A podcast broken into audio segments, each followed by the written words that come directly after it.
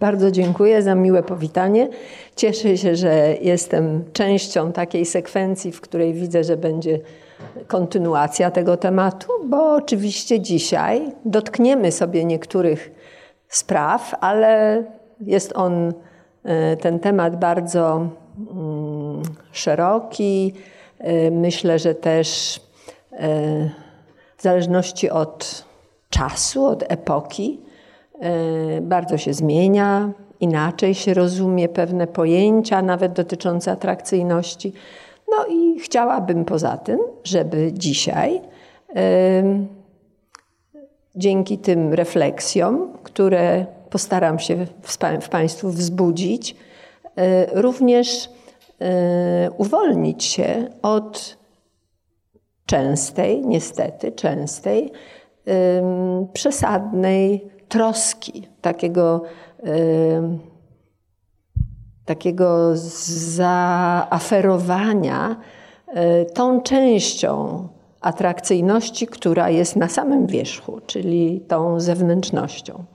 Bo oczywiście ona ma wielkie znaczenie i ogromnie jest ważna, ale proporcje między tym, jak człowiek się na zewnątrz prezentuje, a kim naprawdę jest, czasami są zachwiane. I czasami właśnie ten wygląd przesłania albo zwraca nadmierną uwagę, i z tego wynika niestety y, dysproporcja w bezpośrednich skutkach polegających na tym, ile uwagi poświęcamy jakiej sferze życia albo jakiej sferze własnej, własnego funkcjonowania. I to głównie o to chodzi.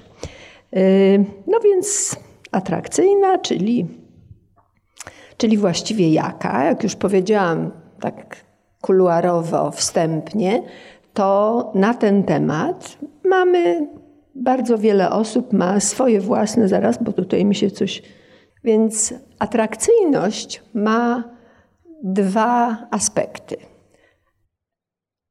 Ponieważ tym słowem atrakcyjny określamy coś, co przyciąga, określamy już w gruncie rzeczy pewną dynamikę, ponieważ ma to słowo nawet zawiera element przyciągania, element jakiegoś e, zwracania uwagi. No i jest to, jest to szeroka sprawa, ale takie kilka krótkich e, refleksji dotyczą tego, żeby patrzeć na człowieka jako całość. I naturalnie, że będziemy pewnie częściej, pierwszą rzecz, jaką się zauważa, to jest to, co reprezentujemy na zewnątrz, ale gdy myślimy o sobie, to możemy poświęcić, czy możemy trochę skupić się bardziej wnikliwie i objąć od razu sferę wewnętrzną i zewnętrzną. Jeżeli chodzi o wygląd, o urodę, o zwracanie uwagi swoim e, zewnętrznym wyrazem, to wszyscy Państwo przyznają, że właściwie i mężczyźni, i kobiety jednakowo e, wolą być atrakcyjni niż nieatrakcyjni. I ja więcej miałam do czynienia w pracy e, przez 20, prawie 27 lat w Instytucie Psychiatrii z osobami, które bardzo e, psychicznie były ciężko poszkodowane z powodu rozmaitych kompleksów, i te kompleksy Pewnie w 90%. Może, może jakoś w tych granicach e, dotyczyły jakichś defektów zewnętrznych. Rzadko kiedy ktoś popada w cierpienia rzutujące na funkcjonowanie w świecie z powodu tego, że na przykład myśli sobie albo nie zna języków, albo myśli sobie y, o swoim miejscu urodzenia jako niezbyt ładnym czy atrakcyjnym. Na ogół kompleksy i takie poczucie zwłaszcza tej jednej sprawy, mianowicie odrzucenia przez otoczenie, bądź wyśmiania, bądź niechęci, bądź wrogości, hejtu, rozmaitych takich atrybutów czy takich zachowań z zewnątrz najczęściej dotyczą tego, że ktoś jest za niski, za gruby, ma jakiś defekt fizyczny w postaci kalectwa, garbu, niepełnosprawności, gorszego wyglądu, innego koloru skóry, no i tak dalej, i tak dalej. Czyli ta sfera zewnętrzna, ona przysparza nam znacznie więcej, może nie głębokich powodów, ale na pewno e, bezpośrednich wpływów na nasze samopoczucie. Dlatego to jest dosyć ważne i nawet kiedy wstępnie ktoś mi zaproponował, żeby się tutaj z Państwem spotkać i ten temat został zaproponowany, to sobie pomyślałam, że to no, bardzo ciekawe i chyba bardzo dobrze, dlatego że e, odpowiednio wcześnie, odpowiednio e, w taki pogłębiony sposób warto samym sobie pewne rzeczy po prostu uładzić, uporządkować. No i tutaj kilka takich rzeczy Państwo widzą, żeby przyciągać, żeby tą atrakcyjność swoją w sposób dynamiczny, w sposób wyczuwalny realizować, no to trzeba, to trzeba jakoś się prezentować, zwłaszcza gdy weźmiemy konfrontację ze światem innych ludzi. Yy, w jakiejś grupie czy na tle pewnej społeczności, trzeba e, zwracać uwagę w sposób pozytywny, bo jest też atrakcyjność negatywna, która zresztą powiedziałam, przysparza nam bardzo wielu nieszczęść, smutków, dramatów, niekiedy nawet samobójstw, bo ktoś tak bardzo jest e, niechętnie przyjmowany albo wrogo, albo odrzucony przez swoją grupę przyciągać lepiej trwale. Więc to jest taka już sygnał, który pewnie się przewinie kilkakrotnie w tym naszym dzisiejszym spotkaniu.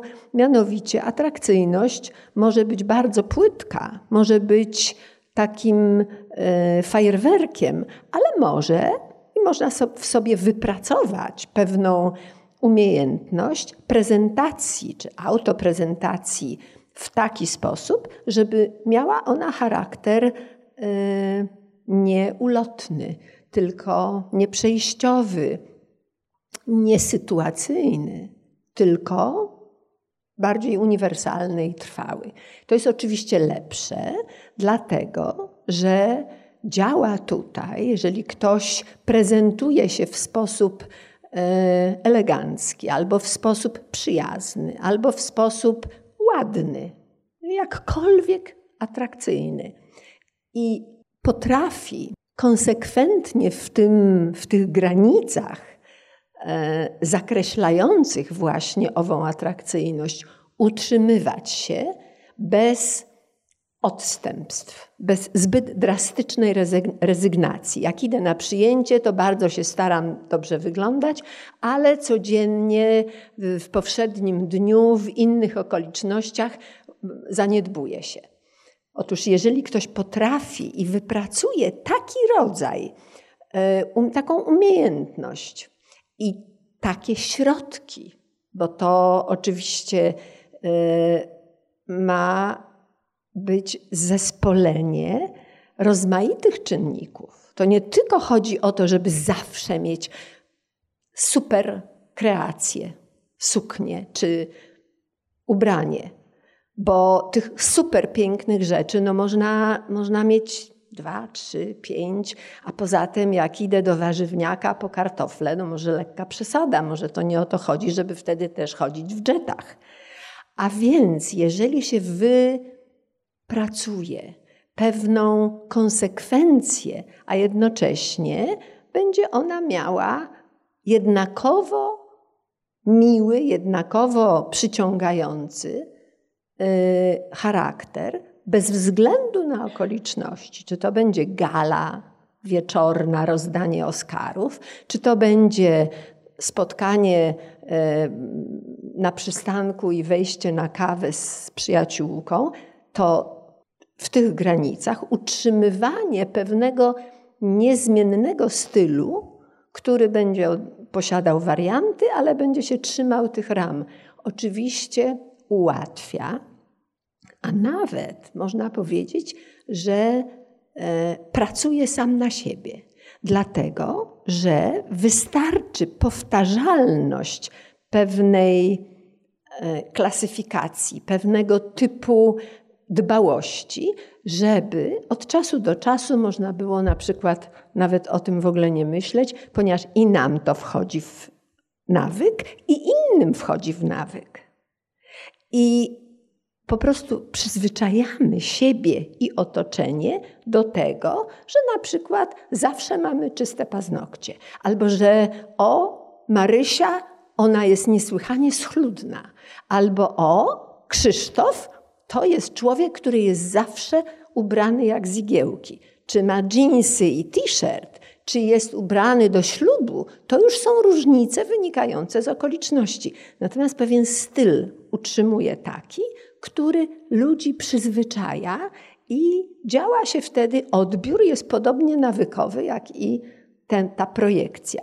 Więc to są takie, powiedziałabym już, e, jak stylista czy kreator chce doradzać, to na takie rzeczy zwraca uwagę. Więc przy okazji możemy sobie też o tym pomyśleć, że będzie to dużo bardziej owocne i bardziej efektywne wtedy, gdy szukamy sposobu na to, żeby środki wyrazu, za pomocą których się prezentujemy, żeby swoją atrakcyjność w granicach własnych potrzeb wyeksponować, to dobrze jest, żeby tego zanadto nie zmieniać, żeby to nie była e, jakiś ogromny wysiłek w sobotę i niedzielę, a pozostałe pięć dni w tygodnia to całkowita rezygnacja. Chodzi o taką umiejętność E, wejścia w pewną rolę osoby atrakcyjnej zewnętrznie no, a, i trzymanie się tej roli. Dam Państwu dobrą analogię, bo to, co mówię, to może się wydawać albo banałem, albo zbyt skomplikowane e, w drugiej skrajności. To jest trochę tak jak z mówieniem.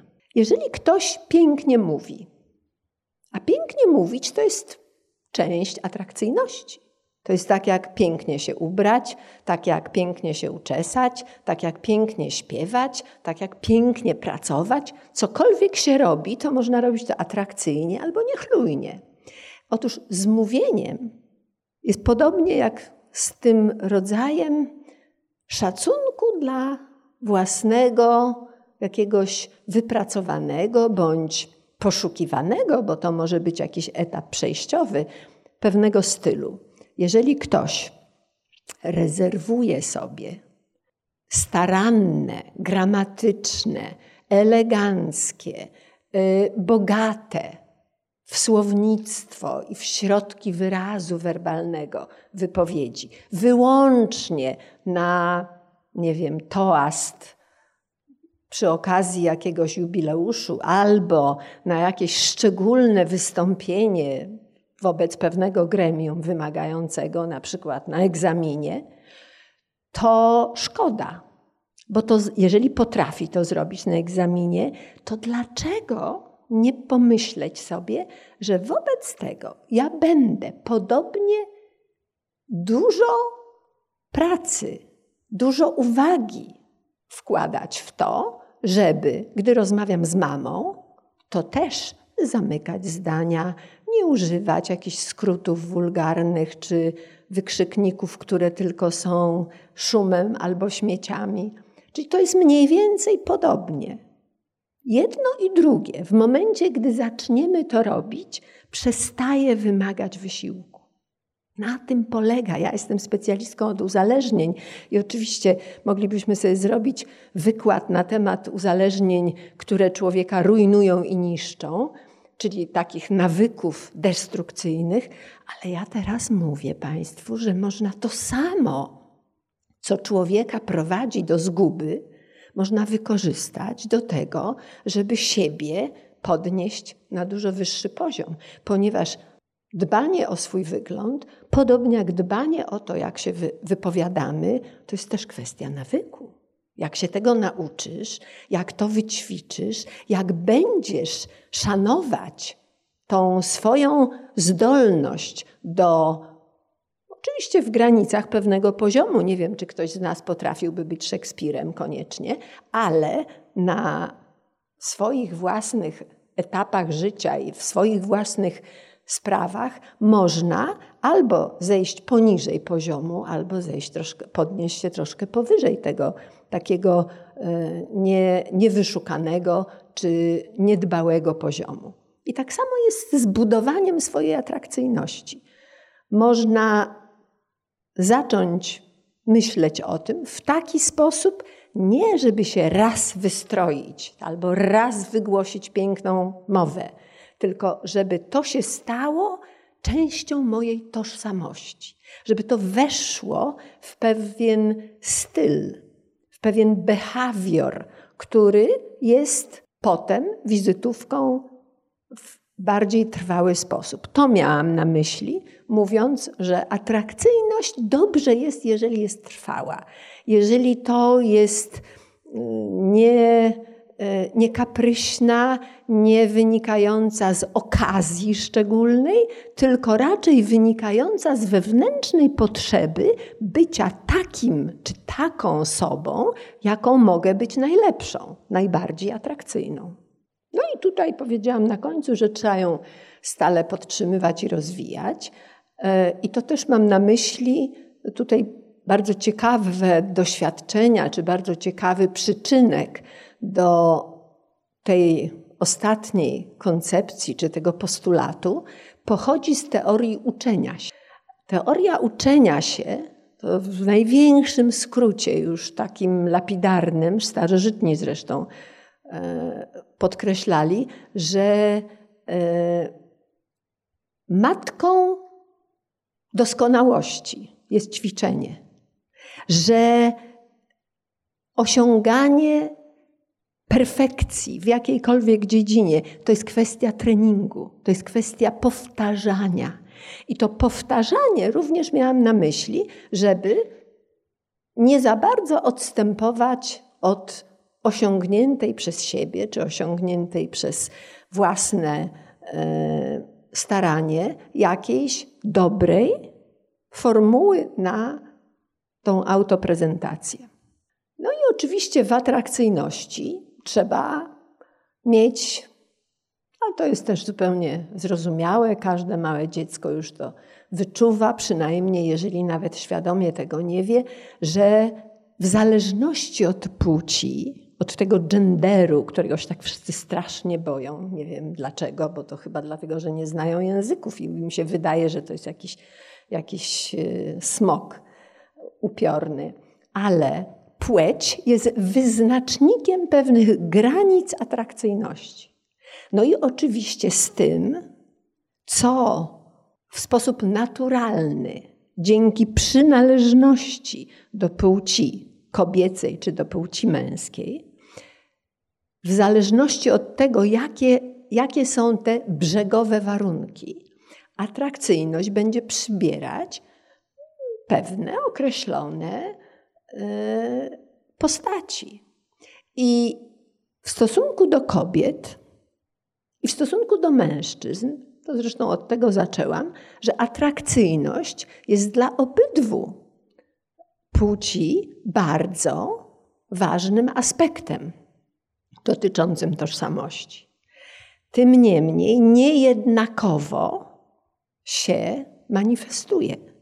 No i teraz w tej dziedzinie, w stosunkach międzyludzkich, w społecznym odbiorze atrakcyjności kobiety i atrakcyjności mężczyzny, zaszły ogromne zmiany, zwłaszcza w ostatnim dwóch stuleciach, czy w jednym ostatnim stuleciu w stosunku do kobiet, a bardzo niewielkie w stosunku do mężczyzn. Właściwie jaskiniowy mężczyzna atrakcyjny to był taki, który był osiłkiem, odważnym, szedł, ukręcał łeb niedźwiedziowi, przynosił upolowanego jelenia. Po prostu ten model atrakcyjności męskiej związany z siłą. Przede wszystkim z siłą fizyczną. On zupełnie niepotrzebnie nadal uważany jest za główną, główny walor mężczyzny. Chociaż siła już prawie w ogóle nie jest potrzebna. ponieważ mamy dźwigi, mamy e, maszyny, mamy e, mechaniczne, niesamowite urządzenia, które zastępują rąbanie kamieni, układanie jakichś brył, zwałów, piramid. To wszystko dzisiaj robimy dzięki niesamowitemu postępowi techniki. A nadal mężczyzna, który nie jest silny, ma kompleksy i nawet reszta świata uważa, że jest nieudacznikiem. Podczas gdy ten, ten model, on po prostu tak niesamowicie się ten tak e, stereotypowo zatrzymał na jakichś czasach, kiedy rzeczywiście bez siły fizycznej nie można było normalnie zapewnić bytu sobie. A dzisiaj zasadzie może, nie wiem, mężczyzna ważyć 61 kilo, siedzieć na wózku inwalidzkim, wymyślać MC kwadrat i, i będzie tytanem. Więc w sprawie tego stereotypu atrakcyjności męskiej zmiany nie są takie radykalne. Natomiast jeżeli chodzi o kobiety, to mamy inną sytuację. Wprawdzie kobieta właśnie w ostatnim stuleciu na pewno przestała być wyłącznie naczyniem rozkoszy męskiej i sługą spełniającą wszystkie potrzeby innych osób w rodzinie oraz rodzicielką. I kobiety dzisiaj wyszły z tej alkowy. To nadal się utrzymuje i oczywiście z tym nawet nie ma co walczyć, tylko trzeba sobie powiedzieć, ale ciekawie, popatrzcie, tak naprawdę to ja po to, żebym się czuła kobieca, to ja muszę, nie mogę dwa razy w tym samym sweterku przyjść. Albo to muszę sobie golić nogi. Albo to muszę, czyli uroda odgrywa tak ważną rolę, jak odgrywała wtedy, gdy to był jedyny atut kobiety. No więc, no i teraz skoro na to można tak popatrzeć, to mamy pewien wybór. I można troszeczkę przynajmniej, no tyle, żeby zwolnić to napięcie, które zwłaszcza wtedy, gdy dorasta się w klimacie kształtowanym przez te stereotypy zamierzchłe, dawne, których już właściwie Formalnie to nie ma, ale jeszcze ciągle istnieją w takim rozproszonym paradygmacie. Na przykład dzisiaj wszystkie panie tu obecne będą sobie wracać same do domu. Jedna autobusem, druga tramwajem, trzecia długim spacerem. Niektóre koło północy wrócą dopiero, niektóre się zatrzymają gdzieś w pubie na jedno piwo, prawda? No to sto lat temu było to w ogóle niemożliwe. Po pierwsze, żadna z was by nie siedziała w żadnej sali wykładowej. W ogóle kobiety były analfabetkami, w ogóle nie miały szkół jeszcze. Prawda? Więc gdy tak było i byłyśmy wyłącznie towarem matrymonialnym, no to wtedy rzeczywiście trzeba było opakowanie tego towaru niesłychanie starannie wy, wypracowywać. A dzisiaj Oprócz tego, że jesteśmy na giełdzie matrymonialnej, ale również robimy, no niektóre kobiety robią te same, niektóre dwa razy więcej niż te same rzeczy, które robią mężczyźni. Więc jakoś się w stosunku do kobiet ten, ten, ta, ta, e, te kryteria powinny się zmienić trochę. I one się zmieniły. One się zmieniły, tylko czasami mamy jakąś niezaspokojoną tęsknotę, albo tęsknota to jest piękne uczucie, ale często mamy kompleksy, a to już jest gorzej. A jeszcze czasami mamy poczucie winy, a niektóre z nas miewają poczucie wstydu, że nie wyglądają jak Julia Roberts albo jakaś tam, nie wiem, kto tam jest waszym idolem czy idolką. Czyli czasami mamy sprzeczność. Mamy tak, taki, taki konflikt paradoksalny. Z jednej strony doskonalimy jakąś sferę, która wynosi nas ponad taką schematyczne myślenie o kobiecości i doskonale się w tym sprawdzamy i pięknie to robimy i osiągamy sukcesy i mm, statystycznie na przykład na wyższych uczelniach w Polsce jest o 36% więcej dziewczyn niż chłopaków. A z wyższym wykształceniem Polek jest więcej niż Polaków. Więc w ogóle połamały się te takie kryteria, którymi kiedyś się posługiwano. A nadal mężczyzna, który y, chodzi w tej samej y, niepranej bluzie dresowej przez cały tydzień, właściwie się no, mówię, ta, ale on to strasznie pracuje, bo on teraz ma egzaminy. No niechby się coś takiego dziewczynie zdarzyło. Ona sama by chyba, nie wiem, y, schowała się pod szafę ze wstydu.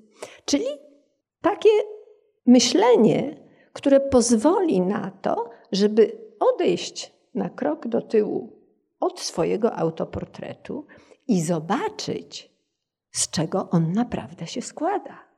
Kobiety dzisiaj to nie tylko ta y, apoteoza urody. Kobiety dzisiaj to osoby, które składają się z całego człowieka, a nie tylko z powłoki cielesnej. No więc na pewno te wszystkie aspekty dotyczące kobiecości, czyli seksapil, ale mężczyzna bez seksapilu jest też koszmarny, tak samo jak kobieta, która się zachowuje jak młot. Uroda, no ładny facet jest lepszy niż brzydki facet, albo y, zadbany od niezadbanego. Opiekuńczość. To jeszcze ciągle, jeszcze ciągle jest sfera właściwie w stu procentach, no może już w stu to przesadzam, ale w 99% zarezerwowana dla kobiet. Chociaż niedawno miałam jakiś wykład na konferencji ratownictwa lotniczego i tam pracują sami mężczyźni. Sami mężczyźni. I to są pielęgniarze, ratownicy, lekarze, sanitariusze, czyli w tej sferze, która jest biologicznego, jak twierdzą niektórzy, powodu, a przede wszystkim ze społecznego, przypisana kobietom od tysięcy lat. Okazuje się, że mężczyźni fantastycznie sobie radzą i że są wspaniali, a nawet w niektórych sytuacjach oni sami mówią, że e, chyba gdyby kobiety pracowały obok nich w tych trudnych bardzo ratowniczych okolicznościach, to byłoby gorzej, dlatego że ze względu na wielką emocjonalność i na wielką wrażliwość, to mogłyby zamiast sprawniej, to nieco mniej sprawnie, nieco bardziej nadopiekuńczo akcje wstrzymywać. Więc w tych rolach również można powiedzieć, że mężczyźni zaczęli e, tak jakby odkrywać i widzieć dla siebie pole nie wszyscy, ale ci, którzy czują pewną zdolność do, takiej, e, do, takiej rodza, do takiego rodzaju e, służby czy pracy, to doskonale się spisują. Ale jeden z aspektów, który jest dobrym odzwierciedleniem tego, tego stereotypowego e, rozumienia pewnych ról kobiet i mężczyzn, jest informacja, statystyka, która w Polsce, ja niedawno coś pisałam i dotarłam do e, roczników statystycznych i to się nie zmienia niestety. Jeżeli się małżeństwu jako pierwsze rodzi dziecko niepełnosprawne, upośledzone fizycznie bądź umysłowo, to zostaje w tej rodzinie, zostaje jako ojciec tylko siedmiu mężczyzn na stu, a dziewięćdziesięciu trzech odchodzi. Nie dlatego, że mamy jakąś dziwną, okropną e, sytuację moralną. Nie, że nie umieją. No bo też się nie uczą. bo też na przykład w Niemczech w żłobkach pracuje 25% opiekunów dzieci, wychowawców i, i e, nauczycieli pracuje młodych mężczyzn. W przedszkolu, do którego chodzi mój wnuczek, pięciolatek, jest jeden chłopak Marek. Taki 26-letni, po szkole pielęgniarskiej, e, harcerz, który doskonale się z tymi dzieciakami umie obejść, dzieci go uwielbiają. Są cztery wychowawczynie i jest Marek. W modelu mężczyzny tym, o którym powiedziałam, że jeszcze ciągle, mimo że świat się pozmieniał, ale został pewien stereotyp. Mężczyzna to jest wtedy szczęśliwy, jak mu się wszystko udaje. Pewne zjawiska, nawet ich nie wartościujmy, ale one wiążą się z pewnym stereotypem.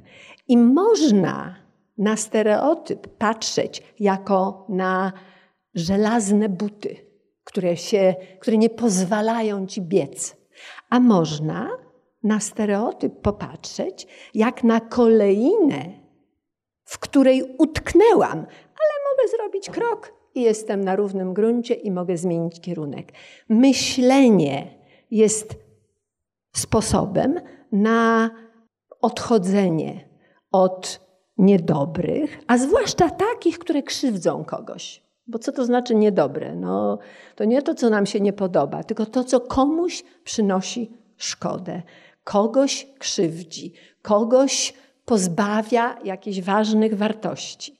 I w tym kontekście ten stereotyp mężczyzny, który jeżeli nie odnosi sukcesu, to załamuje się. A kobieta też lubi sukces. Która z nas nie lubi sukcesów? Ale nawet gdy nas nie spotyka sukces, to zdobywamy się na to, że ciągniemy jakiś ciężki wózek, tym bardziej, że nie możemy na przykład dzielić trudów z kimś, kto dobrze by było, żeby został obok. Więc to są takie czasami trudna bardzo kwestia, ale stereotypy one szkodzą i w tym wypadku oczywiście szkodzą rodzinie, szkodzą temu dziecku, szkodzą tej mamie, ale jakże strasznie szkodzą mężczyźnie, skoro nawet o tym mówić nie mogą. Bo to jest naprawdę dramatyczny, smutny, przykry taki relikt, który już to najnowsze pokolenie, myślę, że wasze, tej młodej części sali, to już będzie zupełnie inne bo to już zaczęło ewoluować. Czyli my wychodzimy z pewnego e, porządku i zaczynamy budować nowy. Ten nowy może być dużo bardziej otwarty, dużo bardziej niestereotypowy. No więc tutaj trochę jest takiej, e, ja już o tym powiedziałam, więc nie będę się długo nad tym zatrzymywać, ale tak było to podporządkowanie, to y, wtedy atrakcyjność kobiety na czym innym polegała. Wtedy trzeba było do tej roli się odpowiednio kreować. Wtedy było łatwiej. Dlatego, że repertuar umiejętności, repertuar y, wiedzy, doświadczenia był dużo węższy. Dzisiaj to się szalenie rozszerzyło. I uzyskanie możliwości do samorealizacji poza tymi paroma rolami westalka ogniska domowego, praca w domu, y, bycie oddaną nałożnicą, podporządkowanie roli, y, w której Dobrze, jeżeli była zgoda, ale to nie zawsze była zgoda. Dobrze, jeżeli była wierność i oddanie, a wcale nie zawsze tak było. Więc w tamtych rolach trzeba było pilnować kilku aspektów swojego rozwoju, swojej osobowości, swojego wyglądu, po to, żeby się mieścić w tych ramkach. Gdy się to poszerzyło, a same poszerzyłyśmy, nikt nas nie zaprosił, tylko się raptem jakieś sufrażystki, emancypantki, feministki zaczęły rozpychać, rozpychać. I oczywiście, że mamy fajniejsze życie dzisiaj. Bo dużo mi przyjemniej, że mogłam sobie z Warszawy do Katowic przyjechać, jakieś wykłady robić, jakiś doktorat kiedyś napisać, skończyć trzy fakultety, a przy okazji urodzić fajne dzieci, mieć wnuki. Y, więc to, to jest po prostu takie życie, które od tysięcy lat mężczyźni mieli, a kobiety nie. A dzisiaj kobiety chcą też i też już mogą. Ale w związku z tym ta atrakcyjność przestała być taka ukierunkowana, taka sztampowa. I zaczęło się tworzenie własnej, tej właśnie związanej ze swoim stylem, która, e, który odzwierciedla rozmaite cele, jakie się realizuje. Co więcej, nie tylko te cele związane z tym, że żyjemy w XXI wieku, w środku Europy, że się kształcimy, że mamy dostęp do e, możliwości działania, tworzenia, pracy, ale również w takim sensie, że w różnych etapach życia możemy realizować i możemy spełniać różne swoje potrzeby i cele. I nasza atrakcyjność też się do tego dostosowuje. To jest żywa, dynamiczna struktura. Jak się ma 20 lat, to oczywiście człowiek myśli głównie, jakie ma rzęsy, jakie nogi, jaką kupić sobie kieckę i na jakiej dyskotece, w jakich obcasach wystąpić. Ale gdy przechodzi się do etapu, w którym się jest, nie wiem, mamą, żoną, to wtedy buduje się inną zupełnie. Jest się gospodynią domową, zastanawiam się, czy chcę ikebany, czy będę zawsze miała jeden żywy kwiat w wazonie, czy zrobię wnętrze takie, czy zbuduję dom taki, w którym będzie klimat wiecznej zabawy i będzie skrable na stole i Chińczyk i szachy i będziemy wszyscy sobie razem, czy może będziemy każdy tam.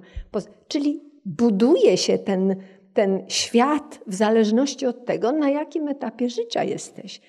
Kiedyś to było w ogóle niemożliwe.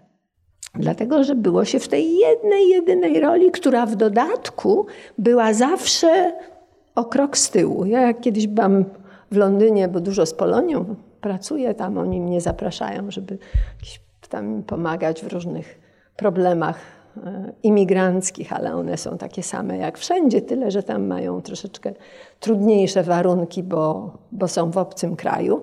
I pamiętam, jest taki wspaniały kościół polski w Londynie na Ilingu i znany ksiądz Dariusz Kwiatkowski, który założył Centrum Pomocy Rodzinie w Licheniu.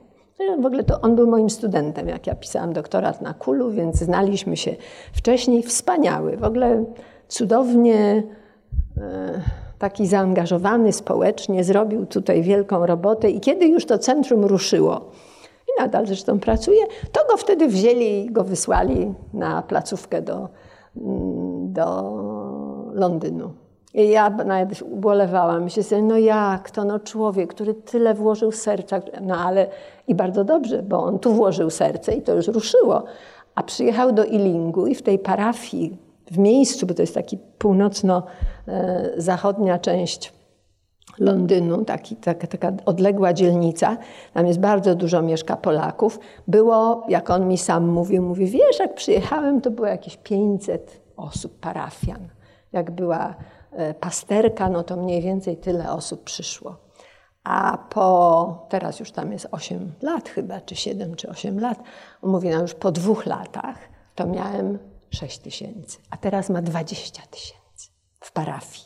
Ale zorganizował tam życie tych ludzi w tak fenomenalny sposób, że no w samym kościele odbywa się 18 mitingów anonimowych, alkoholików, e, DDA, Alanon, bo oczywiście problem alkoholowy jest największy i najwięcej z tym problemów.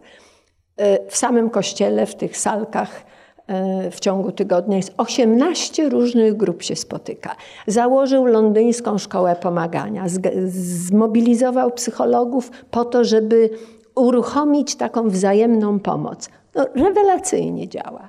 I on jak się żegnaliśmy, zresztą bardzo się świetnie udało, pełna sala, w ogóle tłumy, po 300 osób było w ogóle na tych naszych zajęciach. Ja tam ze trzy dni tak non-stop pracowałam. Pracowałam, kończymy, on się ze mną żegna, dziękuję, już ostatniego wieczoru. No i mówi na pamiątkę, masz tu Ewo, pani doktor Ewo, masz tu od nas e, symboliczną, symboliczny dar. I wręcza mi kubek, ładny kubek do kawy, biały. I mówi, a on będzie ci zawsze przypominać. E, najważniejsze, żeby nigdy nie zapomnieć, to jest, że na pierwszym miejscu jest mężczyzna, a za nim jest kobieta. Ja mówię, nie no Darek, ale trafiłeś. To nie było w jakimś złej intencji. To nie było w ogóle przeciwko, bo naprawdę się i przyjaźnimy, i rozumiemy, ale po prostu do głowy mu nie przyszło, że może, może powinna być kobieta i mężczyzna patrząca na tym samym poziomie prosto sobie w oczy, albo stojąca obok, idąca za rękę. Nie. To jest obrazek, który mamy podtrzymywać. Więc złego z tego nic nie wynika, bo ja się tak za bardzo nie chowam w cieniu, ale jednak ten model troszkę uniemożliwia rozumienie atrakcyjności inaczej niż tak, jak było kiedyś. Żeby się komu podobać? Mężczyźnie. To oczywiście też jest ważne, ale jeżeli tylko się tym zajmiemy, to tak jak zaczęłam od tego, że jakaś część uwagi zostanie wchłonięta, która mogłaby służyć na przykład jakimś lepszym wartościom czy uczeniu się czegoś, co przyniesie więcej pożytku. No i tu co kobietom wolno, wszystko wolno. Można być królową, można być baletnicą, można dostać Nobla, można być y, parlamentarzystką w Europie, wszystko. To jest ten, oczywiście e, to stwarza nie imperatyw, to nie jest nakaz, że ja mam koniecznie zostać królową albo parlamentarzystką, tylko ja mam wybór. Ja mogę.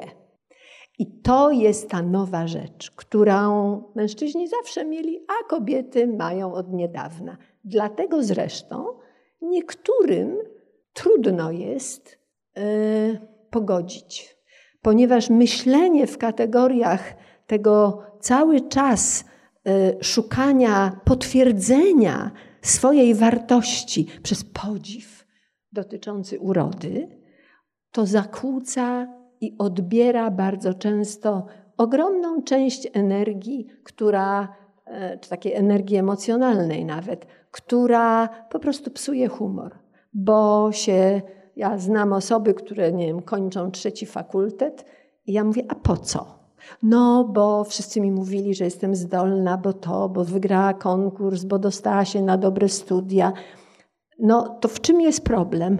No, bo ja nie wiem, co robić w życiu, bo ja nikogo nie mam. Ja mówię, a szukasz? No nie, bo ona. Czyli zaczyna być takie skłócenie między tym, czego się gdzieś w głębi duszy pragnie, i ten wybór, który się dokonuje, wcale nie jest własny, tylko podlegający z kolei szukaniu na przykład koniecznie spełnienia w jakichś sukcesach, e, które być może będą ważne, jak się będzie miało 40 lat czy 50 nawet, ale nie wtedy, kiedy człowiek jest i biologicznie, i hormonalnie, i prawdopodobnie emocjonalnie, i duchowo jakoś nastawiony na to, żeby na przykład przeżyć miłość. I ten zgrzyt może być bardzo kosztowny. I dlatego trzeba po prostu się sobie uświadamiać te potrzeby. No i tu równe prawa. Trzeba wybierać, ale w taki sposób, żeby nie rezygnować, by słuchać przede wszystkim jakiegoś głosu wewnętrznego i słuchać siebie. No i oczywiście ja rozumiem, że mogą być problemy, ponieważ nie, nie wszędzie, tak jak u nas, ma się pewne, te pewne progi wysokie. Otóż u nas, kiedy na przykład y, kobieta założy rodzinę, zaczyna wychowywać dwójkę, potem trójkę dzieci, i przerwie swoje studia, albo w ogóle nie skończy studiów, albo skończy studia i podejmie pracę, ale ze względu na rodzinę z tej pracy będzie musiała przynajmniej zwolnić tempo, albo się wycofać częściowo, albo całkowicie, to potem wrócić jest bardzo trudno. Ale są kraje, gdzie już tak nie jest. I to jest postulat, który no, wysuwają światłe kobiety u nas, że to chodzi nie o to, żeby kobiety wyszły z domu i zostały w, w, życiu publicznym, tylko żeby kobiety, które zostały w domu, mogły w każdej chwili wrócić do życia e, zawodowego. Ja jestem takim przykładem. Ja nie wiem, 40 lat temu, no kto słyszał o Ewie Wojdyło? Ja miałam dzieci, rodzinę, wychowywałam, zajmowałam się jeszcze dosyć długi czas, zajmowałam się sama, bo jeszcze zawsze sobie biorę mężów, takich intelektualistów, że nie bardzo są świadom, świadomi, do której klasy dziecko chodzi, ale jak te dzieci wyfrunęły i zaczęły samodzielnie funkcjonować, to ja wtedy, no ale miałam kapitał, bo miałam dobre studia, jedne, drugie, trzecie, bo to jakoś tak mi szło w parze. A poza tym, jak wspomniałam na początku, że chodziłam do żeńskiej szkoły. I w mojej szkole to była zupełnie naturalna rzecz, że wszystko, co chcesz, to osiągniesz. I kiedy chcesz. I w ogóle nie ma ograniczeń. No ale to była żeńska. Tam nie było konkurencji, nie, nie było nikogo, o kim by można powiedzieć, no w matematyce to oni są lepsi. W matematyce wszystkie byłyśmy tak, jedna była dobra, druga niedobra. Tak samo w polskim, tak samo w geografii, tak samo w sportach.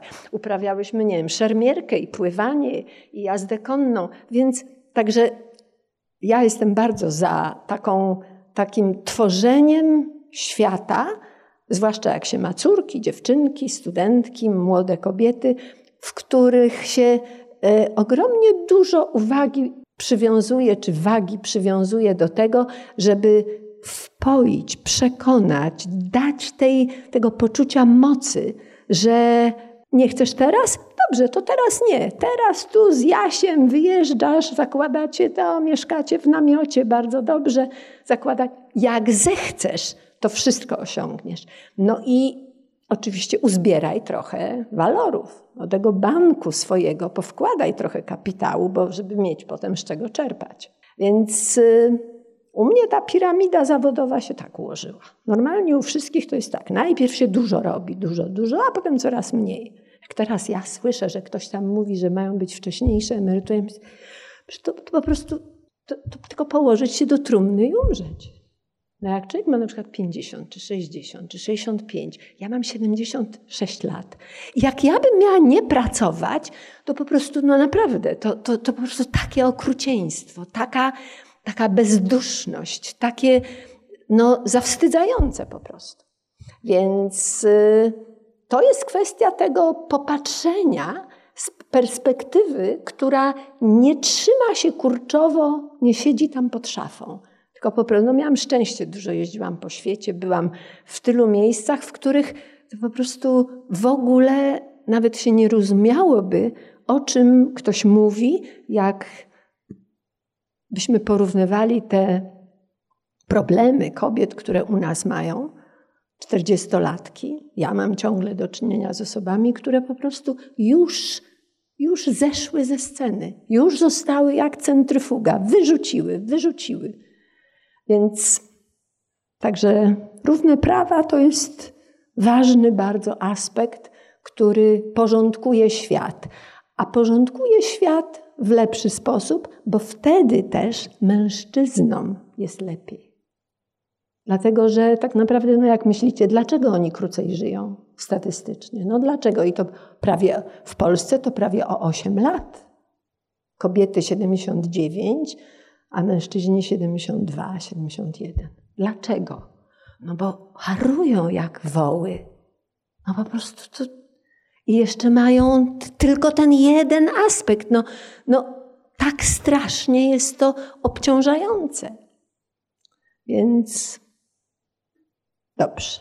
No i teraz mamy zajmujemy się ciałem, ponieważ to jest ogromnie ważna część naszej atrakcyjności, ale ciało, i tutaj tylko jedno zdanie powiem Państwu, które uważam, jak zapamiętacie, to może to być nawet taki dobry klucz do otwierania pułapki, w której od czasu do czasu niechcący każda z nas, ale mężczyźni też, chociaż jak mówię, dla nich e, zarezerwowane są nieco inne problemy, te dotyczące ciała, my mamy na pewno dużo bardziej wy, takie wyostrzone. Otóż ktoś, ja nie wiem gdzie ja to przeczytałam, ale to było dosyć dawno, wystarczająco dawno, żeby mi to rozumu nauczyło. Jakaś mądra kobieta napisała: Traktuj swoje ciało jak instrument, a nie jak ornament. I właściwie w tym się zawiera spora część tego, co mam ochotę powiedzieć. Instrument. Ciało ma czemuś służyć. No czemu? Żeby się poruszać, żeby dobrze się czuć, żeby założyć ładną sukienkę, żeby móc e, sprawnie funkcjonować, a nie wegetować bez ruchu, bo się nie mam siły, bo moje stawy pękają, jak wielkie cielsko na nim noszę, na nich noszę. Moje ciało ma pozwalać mi się kochać. Moje ciało ma pozwalać mi tańczyć. Moje ciało ma pozwalać podnieść mojego trzyletniego czy pięcioletniego wnuczka albo córeczkę czy synka. Czyli ciało czemuś ma służyć. Natomiast jeżeli zapomnimy o funkcji, a zaczynamy myśleć wyłącznie o ozdobie, to paradoksalnie wcale nie dbamy o to ciało. To dbamy o te atrybuty, o korale, o naszyjniki, o jedwabie, o sukienki, o galerie, o sklepy, o szafy, o szuflady, o nylony. Natomiast ciało przestaje być wtedy takim celem, tylko zaczyna być wieszakiem, na którym się drapują różne akcesoria po to, żeby robić wrażenie. A tak naprawdę to ciało, jak zaczniemy traktować jak instrument, jak e, samochód, w którym jest silnik, albo atrapę z plastiku, która wyłącznie pięknie wygląda, ale nigdzie nie pojedzie. I właściwie jest bez wartości.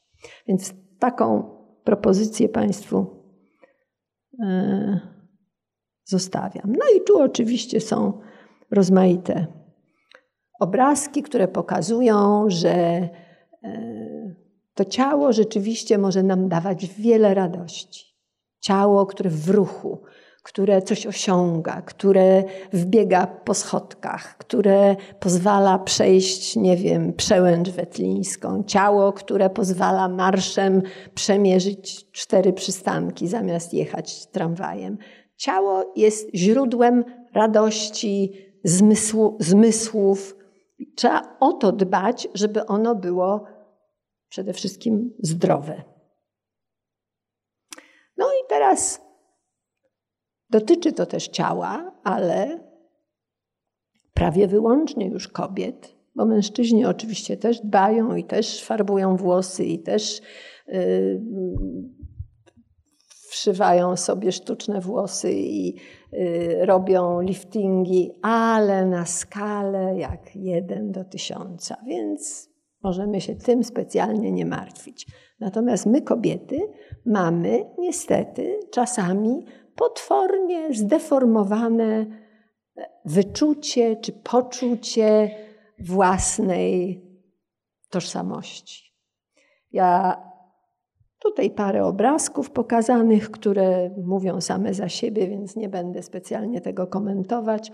A poza tym, jak wejdziecie w internecie na nawet, nie wiem, całkiem przypadkiem na wiadomości jakieś tam w onecie, to ni stąd, ni zowąd wyskoczy akurat jakaś upiorna twarz znanej tam celebrytki, która się właśnie pokancerowała w kolejnej operacji jakiejś chirurgii plastycznej. Więc mm, rzucają się w oczy takie, takie mm, brzydkie przykłady tego y, uciekania od wieku.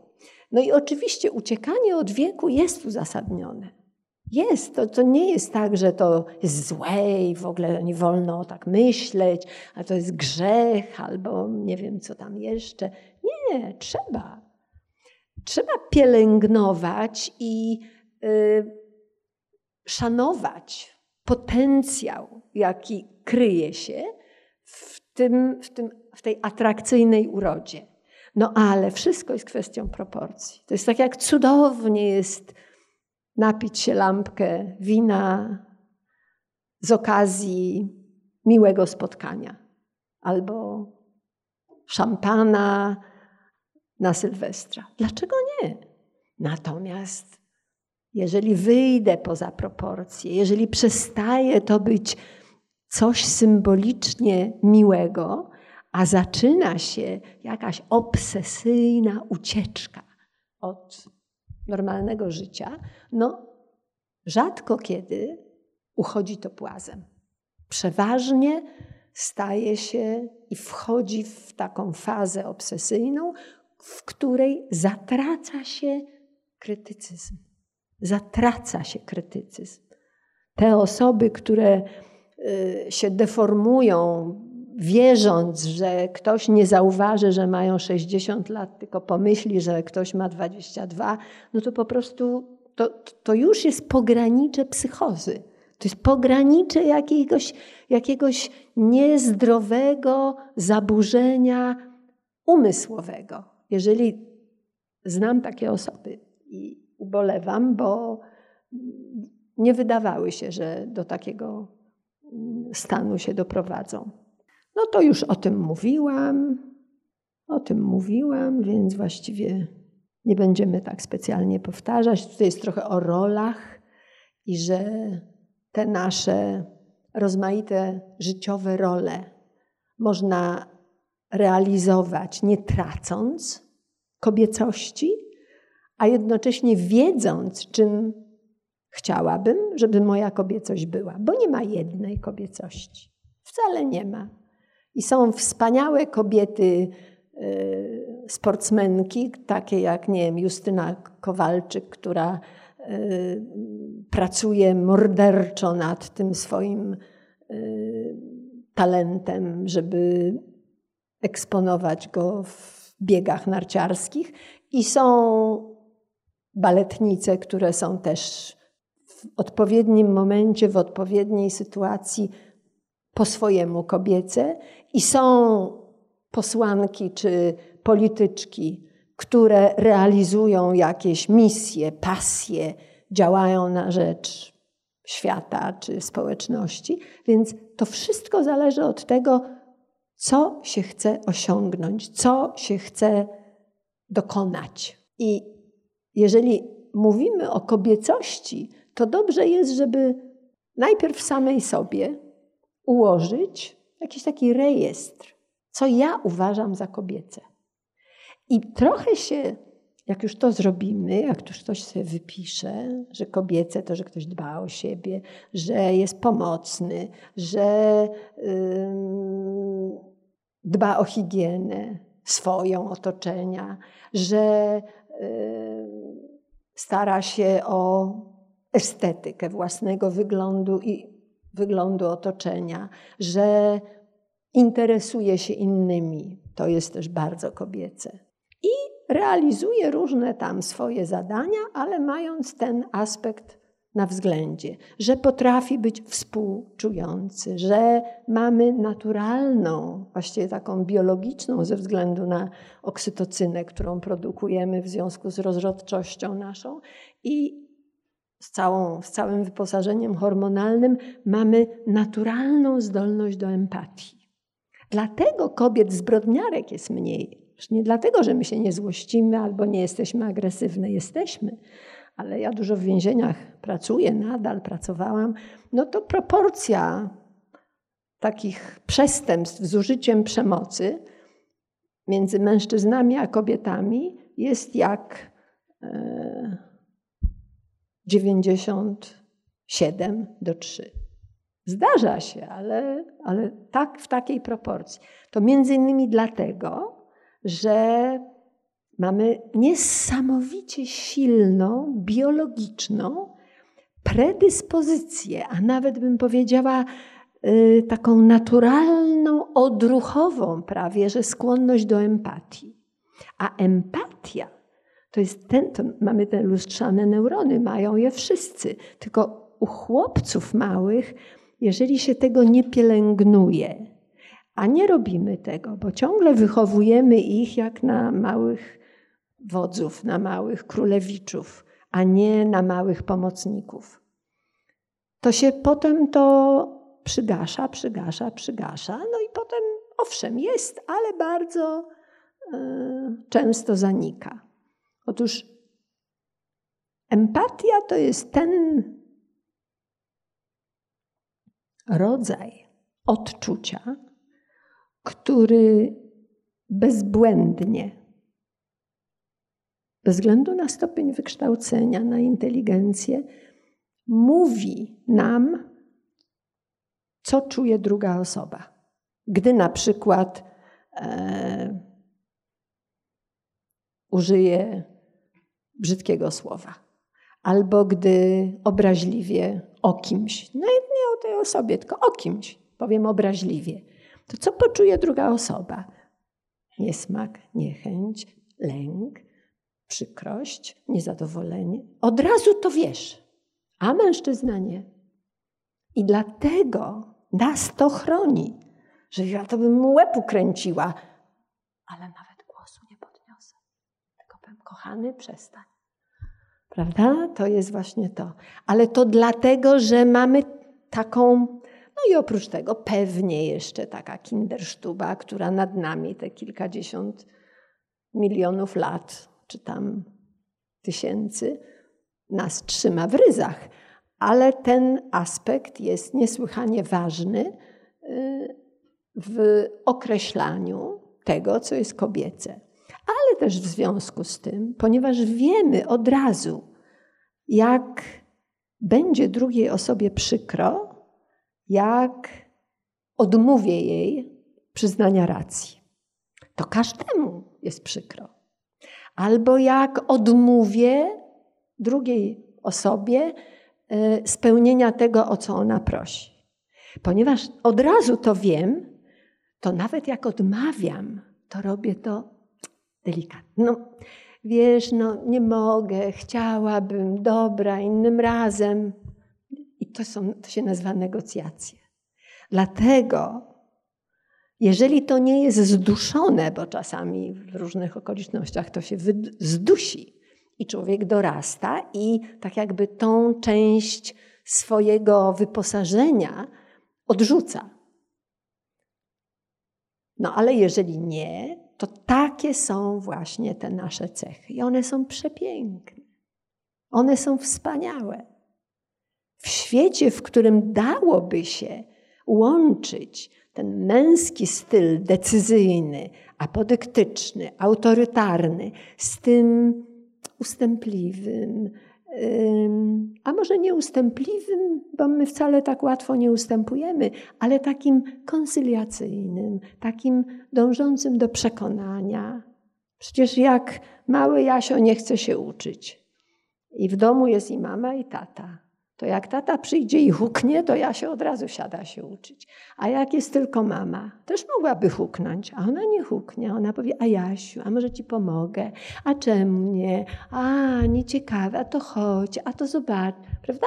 To, jest, to są te dwa różne, gdyby się to ze sobą współgrało, jak to w komputerowej nauce się mówi, kompatybilnie, to znaczy, tam, gdzie trzeba huknąć, można huknąć, ale tam, gdzie na huknięcie na przykład jeden mały Jasio usiądzie i szybko odrobi, ale drugi mały Jasio wstanie, wyjdzie i nigdy nie wróci. Czyli trzeba też mieć w jakimś sensie wyobraźnię, że pewne przez naturę, przez, niektórzy mówią Pana Boga, przydzielone atrybuty, które w jakimś sensie określają też rolę. One są dopiero wtedy wartościowe, jeżeli działają razem.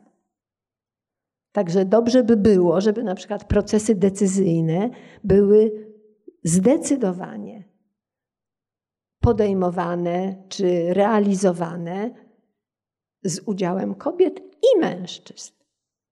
Dlatego, że dzięki kobietom bardzo dużo rozmaitych konfliktowych sytuacji mogłoby w ogóle nie zaistnieć. Zresztą wiemy o tym z własnego domu. No i będziemy zaraz kończyć, ponieważ już jest 10 po 6, a ja jeszcze chciałam dać Państwu czas na parę pytań. No i tutaj jest parę takich rzeczy, ale ja już powiedziałam, bo ja tak wyprzedzam nawet swoje własne e, konspekty. No właśnie tutaj takie żarty. Siedem okresów w życiu kobiety. Niemowlę, dziewczynka, dziewczyna, młoda kobieta, młoda kobieta, młoda kobieta. I to mi się podoba, bo właściwie e, młodość to jest kwestia, a w ogóle wiecie od czego zależy. Jak ktoś mówi, ojej, ale młodość przemija. Nie przeminie nigdy, dopóki chcesz się uczyć. I uczyć to nie znaczy, że chodzisz do szkoły, siedzisz w ławce, ale uczysz się języków, albo ciągle coś czytasz, albo uczysz się rozmawiając i zadając pytania, nie tylko gadając, co ty wiesz. Więc to są takie tajemnice. Kobiety mają przynajmniej stroje, a czym mogą przykryć swoje wady mężczyźni? Dobre pytanie. Czasami kobiecość to największy narkotyk, powiedział Kuba Wojewódzki. Przy czym myślę, że to jest jego narkotyk, nie nasz. No i tak, bardzo mi się podoba, co Jerzy Pilch powiedział. Polskie dziewczyny, fantastyczne, piękne, błyskotliwe, pełne inwencji, czaru, są w sytuacji strasznej. Mają w zdecydowanej większości przypadków do czynienia z sytymi debilami, ale to powiedział mężczyzna. To ja nie, ja tak wcale nie uważam. Natomiast uważam, że jest wielu fantastycznych mężczyzn, bez których życie moje osobiście, czy w ogóle kobiet, no, byłoby niepełne, ale strasznie trudno ich znaleźć. Z tym, że myślę, że dokładnie to samo mówią mężczyźni. Że jest dużo wspaniałych kobiet i że gdzieś jest ta kobieta, o której marzę, tylko jak ją znaleźć? Więc w tym sensie to łączy nas, czy dzieli nas z mężczyznami mniej więcej to samo. Tyle samo rozczarowań, takie same pragnienia, bo w zasadzie pragnienia są uniwersalne. I ten chce być kochany, i ta chce być kochana. I ten chce, żeby respektowano jego potrzeby, no i kobieta też. I tylko kwestia y, może sposobu domagania się tego jest troszkę inna. Ale w zasadzie potrzeby są te same. No i teraz jest trochę o takiej sferze ducha. Co nie chciałabym, żeby zabrzmiało, że to jest sfera kobieca. Tylko. Dlatego, że akurat tutaj to pomyślałam sobie o różnych kulturach, w których kobiety były e, symbolami boskości, ale boskości, która jest strasznie, taka bym powiedziała, nowoczesna wiedza. Tam jest bogini w Indiach. Nie Bóg wiedzy, tylko bogini mądrości, waleczność. To jest kobieta. To nie mężczyzna jest uosobieniem waleczności w kulturze hinduskiej. Bogactwo to nie mężczyzna jest symbolem bogactwa, tylko kobieta. Więc są kultury dla nas mało znane, dalekie, akurat tutaj jest azjatycka, w których kobieta wcale nie jest postrzegana jako podnóżek, jako uległa, y, szukająca tylko aprobaty. No, a w naszej kulturze to jest inaczej, więc albo w greckiej na przykład, bogini y, mądrości, rozwagi i wojny Atena. To jest bogini, nie Bóg. Temida, bogini prawa i sprawiedliwości. Nike, bogini zwycięstwa.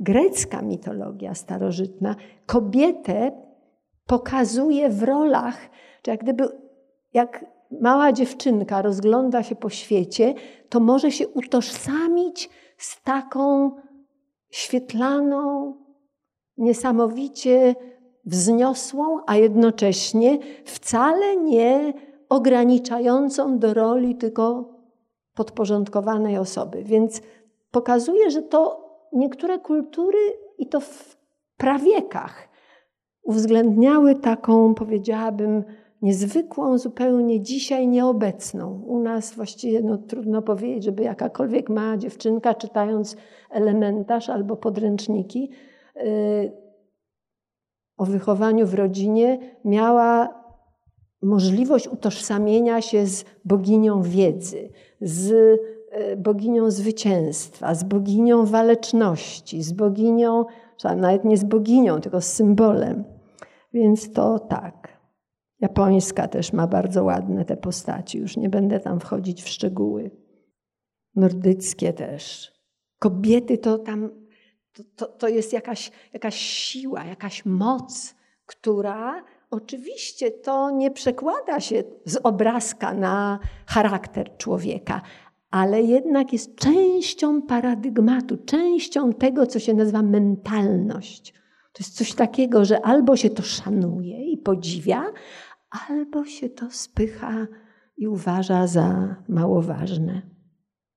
Nawet w mitologiach słowiańskich te boginie istnieją, tylko to jest bogini płodności, bogini y, urody, bogini urodzaju, czyli już mamy tak jakby prapoczątek czegoś, z czym dzisiaj ja osobiście ponieważ mnie to po prostu odmówiłam, żeby mnie to dotyczyło i dobrze na tym wychodzę i mam wszystkie drzwi przede mną są otwarte, ale spotykam się z setkami przypadków kobiet w swoim gabinecie, w mailach pisze do mnie mnóstwo, na różnych spotkaniach, kiedy kobiety po prostu nie mające żadnych powodów do e, niekorzystania ze swoich darów, ze swojego potencjału, wycofały się. U nas nie ma bogini. Jest Matka Boska, która po prostu umie cierpieć. Cierpiała jak syn na krzyżu. Był. No i tu. I teraz, moje drogie, mam psychozabawę na ostatnie pięć minut, a potem jeszcze dam wam. I teraz, tak jak widzicie, jest tutaj napisane, sobie na palcach liczcie, a ja zaraz tutaj pokażę pytania. I zero to jest nigdy, a pięć to jest zawsze. I tak, czy w grupie, jakiejkolwiek, na zebraniu, w pracy, y, w szkole, przemilczasz swoje pomysły, pytania lub propozycje? Zawsze, czasami albo nigdy. No i od zera do pięciu. Liczcie sobie. Czy y, do wykonania wymagającego dużego wysiłku, zadania, też w różnych tam sferach. Zapraszasz inne osoby, zamiast zrobić to koniecznie sama. Czy ustępujesz innym, przyjmując ich propozycje, mimo że akurat nie masz na to wielkiej ochoty? Czy pytasz o zdanie, nawet w sprawach, które dotyczą tylko ciebie? Czy wyrabiasz sobie opinię o ludziach od pierwszego wejrzenia, zanim ich dobrze poznasz? No i teraz, kto miał ile punktów? Ktoś, kto mówił zawsze, zawsze, zawsze, to jesteś kobieca. Ale w stylu naszych prababek. Zastanów się, czy nie rezygnujesz ze zbyt wielu swoich potrzeb. 15-17 punktów, jesteś bardzo kobieca i dość dobrze umiesz dbać o realizację swoich zamierzeń. No, w porządku. 10. 13 czy tam 15, jesteś bardzo kobieca i masz w dodatku dużą umiejętność współżycia z innymi na równych prawach. No i wreszcie ktoś, kto mówił nigdy, nigdy, nigdy, jesteś bardzo kobieca, a przy tym masz duże poczucie wartości i kierujesz się rozumem, dzięki czemu nie będziesz doznawać wielu rozczarowań ani zbyt ciężkich zawodów. I to Ostatnio ta grupa jest taka, która wysłuchała mojego wykładu. Teraz mamy jeszcze dosłownie 10 minut, widzę. Jeżeli są albo pytania, albo komentarze, pan, który chciał komentować, niestety się zdenerwował i wyszedł, więc nie mamy go, ale może ktoś jeszcze chciałby zabrać głos, więc proszę, mogę dać mikrofon. i będziemy sobie rozmawiać. Dzień dobry, witam serdecznie. Ja mam takie pytanie, czy, czy o tym, co Pani wspominała właśnie o kobietach, jak chodzi o rolę podanych bardziej, e, czy tu może bardziej chodzi o to, że to jest takie na tyle bardzo zakorzenione w, w kobietach, że lubią na przykład jak się nimi kieruje, w sensie, że zazwyczaj wy, e, wybierają silniejszych partnerów emocjonalnie i psychicznie od siebie, tak? Czy to może Pani wyjaśnić? Ale muszę Państwu powiedzieć, że jakbyśmy na Pana pytanie chcieli tak naukowo odpowiedzieć, to trzeba byłoby szybciutko zrobić taki zoom i wejść do żłobka. W żłobku są dziewczynki i chłopczyki. Potem one dorastają i są w przedszkolku. Już jest trzylatki, czterolatki, już inicjują zabawy, zawiązują buciczki, zapinają sobie na rzepy, już mają ręczniczki swoje i wiedzą, czego chcą, coraz bardziej. I na poziomie naj, najmniejszego wieku, kiedy już dziecko zaczyna manifestować swoją wolę i swoje potrzeby, to muszę panu powiedzieć, gdybyśmy wszystkie dzieci ubrali w jednakowe pajacyki i na główkę założyli jednakowe czapeczki, nawet nie rozróżniłby pan, który jest chłopczyk, a która dziewczynka, i wszystkie dzieci wolą zarządzać, wolą wziąć klocek, jak go chcą, niż oddać, jak chce ktoś drugi. Wszystkie. I potem, gdy dorastają, albo nawet w trakcie, gdy się uczą, to się nazywa socjalizacja, gdy się uczą bycia razem i będzie takie przedszkole, bądź taki dom, w którym żyją, w którym Małgosi powie się: Małgosiu, no daj Jasiowi, bo on chce sobie poczytać. A jak Jasio będzie miał książeczkę, a Małgosia zechce mu wy, albo zabawkę, samochodzik, i Małgosia będzie chciała mu wyrwać z rączki, to usłyszy: Małgosiu, no nie wyrywaj, przecież Jasio teraz się bawi. Wystarczy ile razy taki komunikat usłyszeć, żeby inteligentna osoba zapamiętała do końca życia. A je, także potem, jak to jest, to ja tego nie wiem. Pan powiedział, że taka jest ciągle jeszcze w obserwacji naszego życia, taka jest reguła, albo tak się zdarza, że wiele kobiet szuka sobie partnera, mężczyzny, który będzie silny i będzie on decydował. I nie ją będzie pytał, na co wydamy teraz te pieniądze, tylko on będzie komunikował, na co ona ma wydać, a na co nie wydać. Tak rzeczywiście jest, tylko czy to tak jest, bo takie są kobiety, czy to tak się zdarza, ponieważ od małego dziewczynki są inaczej wdrażane w relacje i chłopcy inaczej. Nie jest problem. To jest kwestia, ja ponieważ, jak mówię, ponieważ mnie wychowywała sama mama, miałam takiego pecha, że mój tata zginął w czasie wojny. No pewnie jakby nie zginął, to bym była w ogóle trochę inna. Ale mnie wychowywała sama mama i jakieś kuzynki mamy. Chodziłam do żeńskiej szkoły, Skończyłam pierwsze moje studia historii sztuki, na których były same dziewczynki. Potem skończyłam psychologię, na której tak jak tu, same dziewczynki, a było dwóch rodzynków. Czyli ja dorastałam w takim świecie moim. On był sobie tam jakiś inny. Ale jeszcze powiem Wam więcej. Ja po wojnie zaczęłam chodzić do szkoły, po II wojnie światowej zaczęłam chodzić do szkoły, miałam 7 lat jak poszłam i do matury było nas 19 w klasie maturalnej. W mojej klasie, zaraz się rozpłaczę, w mojej klasie, bo zawsze jak o tym mówię, to mam wzruszenie wielkie. Na 19 dziewczynek ani jedna nie miała taty. Widzi pan to? No to jak ja mogę być inna?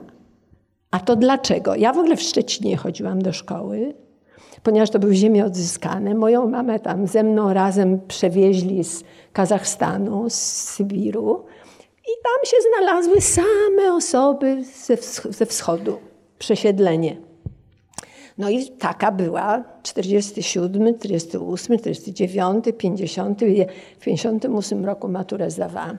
Czyli to była taka rzeczywistość. I wszystkie moje koleżanki, z którymi teraz już niektóre nie żyją, gdzieś niektóre się rozpieszły po świecie, ale ciągle tam organizują jakieś zloty, zjazdy, więc się widujemy czasem. To są osoby, na przykład e, Izabela Cywińska była minister kultury, to była w naszej szkole.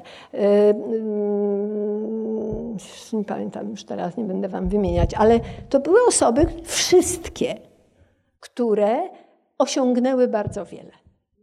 Możliwe, dlatego, a możliwe, że nie. Ja tylko wam pokazuję taką rzecz. Od tego, od tego żłobka się to zaczyna, że jeżeli się wychowuje w taki sposób. Y, Jasio ma jutro klasówkę. Małgosiu, idź pomóż mamusi pozmywać.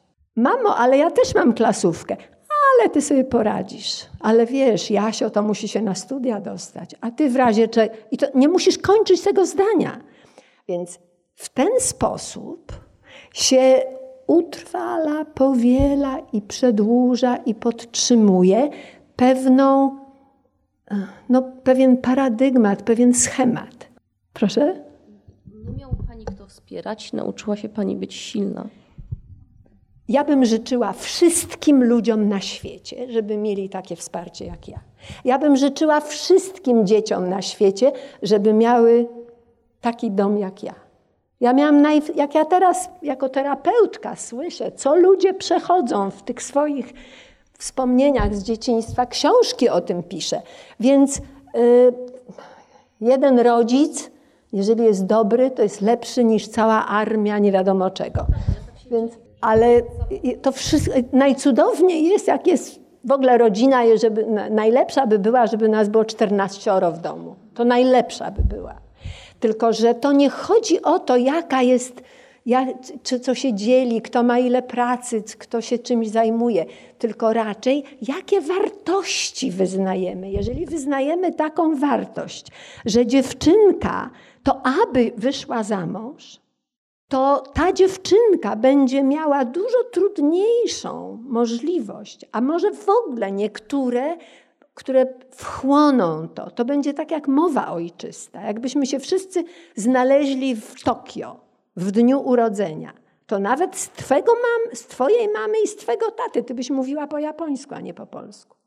Ponieważ to, czym człowiek nasiąka, to potem tym się staje. I o to mi chodzi, że na szczęście, znowu moja dziedzina uzależnień bardzo jest dla mnie tutaj cennym dorobkiem, bo mogę Państwu powiedzieć, że nawet nie wiem, jak niesamowite przyzwyczajenie do czegoś jest sprawą decyzji. I można mieć 131 lat i całe życie było jakoś, i pewnego dnia rano wstaniesz, popatrzysz do lustra i powiesz sobie, a od dzisiaj będzie inaczej. Jest to możliwe czy nie? Kto ci przeszkodzi? Do tej pory myślałaś tak, ale dzisiaj sobie powiesz zaraz. Będę sobie przypominać, żeby już w ten sposób nie myśleć. I to jest zdolność, i tylko człowiek ma tę zdolność z wszystkich istot, ponieważ mamy możliwość świadomego decydowania o kreowaniu siebie. Oczywiście są ludzie, którzy tego nie robią, no ale co, co oni nas obchodzą? No, to jest też wybór, to jest też wybór. Więc to, że ja, i to nie chodzi o walkę, bo czy usłyszeliście, że ja kogoś zwalczam tutaj? Albo że ja wobec kogoś jestem wrogo nastawiona? Nie. Lepiej ma mój wnuczek, mam jednego, który ma 23 lata, właśnie fizykę kończy, i lepiej ma on, że on może od czasu do czasu zadzwonić na przykład do mnie i powiedzieć: Babciu, udały mi się gołąbki, może jesteś w mieście, przyjedź, to weźmiesz sobie do domu albo zjesz u mnie. No lepiej chyba, że to. A, a, kończy fizykę właśnie i ma doktorat pisać w Holandii, już ma tam profesora. No co w tym złego? Ale moja córka wychowywała go tak, że jak on miał 12 lat, wtedy chyba w gimnazjum, i ona kiedyś tam była u mnie i mówi, o, muszę zadzwonić do Jacha, zobaczyć, czy już skończył. No i dzwoni i mówi, a no fajnie, jesteś już po lekcjach, no i co będziesz robił? No wracasz do domu, dobrze. Słuchaj, a masz jakieś pieniądze przy sobie? A, to ci wystarczy. Wiesz co, to zrób jakieś zakupy. Ja dopiero o piątej kończę pracę. I zrób coś na obiad. Więc no to po prostu on ma dziewczynę, y, mają plany życiowe, jest fantastycznym chłopakiem, jest świetny, y, doskonale się spisuje na tych studiach, ale nauczył się, że on nie jest pozbawiony zdolności pozwalających mu na zatroszczenie się o kogoś. No tylko tyle, tylko jedna różnica. On nie ma być y, sprzątaczką, y, nie wiem. To nie chodzi o to, żeby on teraz zaczął myśleć, jakby tu dziecko urodzić. Nie. On po prostu, ale to jest kwestia wychowania. To jest kwestia po prostu takiego stworzenia klimatu. Albo ten nasz mały, no w ogóle super gość, który no po prostu rozsadza te wszystkie ramy, które się wydaje. Poszłam z nim do dentysty, bo miałam czyszczenie zębów i myślę sobie, wezmę tego małego, to jeszcze było chyba tam, jak on miał 4,5 roku czy coś. I mówię, wiesz co, pojedź Ankuś ze mną i zobaczysz gabinet dentystyczny, taki, w którym właśnie ja tam e, mam e, jakiś mieć zabieg i sobie popatrzysz, a uszczęśliwiony. No i on sobie stoi, patrzy, a ponieważ to do czyszczenia zębów na tym takim bardzo nowoczesnym fotelu, który do góry jeździ. No i ta moja higienistka, która mi czyściła zęby, skończyła i mówi, no to co może Anker, może teraz ty usiądziesz? No oczywiście, wsiada i wchodzi pielęgniarka taka, która tam obok była i zachwyca się, jak to to dziecko tam coś i mówi, ale nie bój się. On tak na nią popatrzy i mówi, a dlaczego pani myśli, że ja się boję? Widzicie, to jest stereotyp. Siada dziecko na fotelu dentystycznym, to pierwsza myśl, dorosła osoba. Mówi, nie bój się, ale ja się nie boję. Więc, czyli stereotyp przekazuje się podprogowo, pod progiem świadomości. Na przykład czegoś nie wypada. No nie wypada, żeby Teraz coraz mniej takich rzeczy jest, bo my się nie dajemy, ale jednak w niektórych sytuacjach y, może czasami zaciążyć taka, taka właśnie y, nie, y, niezweryfikowana, nieprzepuszczona przez filtr mojej świadomości. Dlaczego ja czegoś nie robię? Bo co? Sama nie chodzę do kina. Ja mam takie znajome, które życie przeżyły. Ona w życiu sama do kina nie pójdzie. Ja mówię, że tam jakiś film widziałem, mówię, ojej, wy to macie fajnie, że ja bym poszła, ale ten mój stary to nie chce, albo nie ma tam go, albo... Albo ja mówię, idziemy z mężem potańczyć, idziesz z nami? On mówi, nie, no co, ty z wami nie pójdę. A lubi tańczyć, umiesz na tango, na milądze, więc no po prostu, i to, to jest stereotyp. To nie chodzi o to, że to jest jakaś narzucone. I ma pan rację, że ma się to w głowie. Że ma się to w głowie. I oczywiście ja nawet czasami, to już inny zupełnie temat, więc nie będę wchodzić w szczegóły, ale na przykład sprawa alkoholu. Wszystko się kobietom otworzyło i bary też. I co one robią? Dziękuję. Po prostu tutaj to jest. Ale to wynika po prostu z tego, że u nas niestety, ale żadna dziewczynka w wieku, nie wiem, 13 czy 14 lat nie dowiaduje się, że nie alkoholizm, nie tam, bo to tylko częste używanie alkoholu skraca młodość. W jakim sensie? Przyspiesza menopauzę. A teraz gdzieś byliśmy ostatnio z mężem na jakimś koncercie i takie w fabryce trzciny to taki taki lokal jazzowy. I tam, no dosłownie przy każdym stoliku, no naprawdę, no dziewczynki, bo to jakieś takie uczennice, studentki, dzisiaj tak się młodo wygląda, śliczne, chłopcy, dziewczyny i przed każdym taki kufel piwa. Chłopak niech sobie pije ile chce. Bo jego organizm w porównaniu z organizmem kobiety to jest jak stary Remington, taka maszyna do pisania w porównaniu z komputerem najnowszej generacji. Nie, że to jest gorsze, a to lepsze, tylko tak skomplikowaną mamy tą strukturę. I ta odrobina toksyny dla kobiety to jest, to jest po prostu wielka różnica. Nie mówiąc o tym, że o wiele szybciej się uzależniają. Ja miałam pacjentów, którzy no 20 lat pił, 15 lat pił i dopiero się znalazł na terapii. Przychodzi kobieta, wrak. Cztery miesiące popiła. Bo to po prostu kasuje.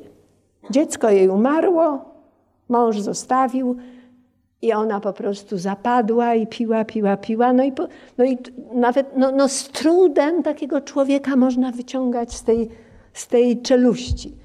Tak straszliwie fizycznie wyniszczone. Więc na przykład, czyli kobiety nie są równe. I nie wolno tak samo, o, bo to tak samo jak mężczyźni. W mądrych sprawach tak, ale w głupich to nie. Dziękuję bardzo.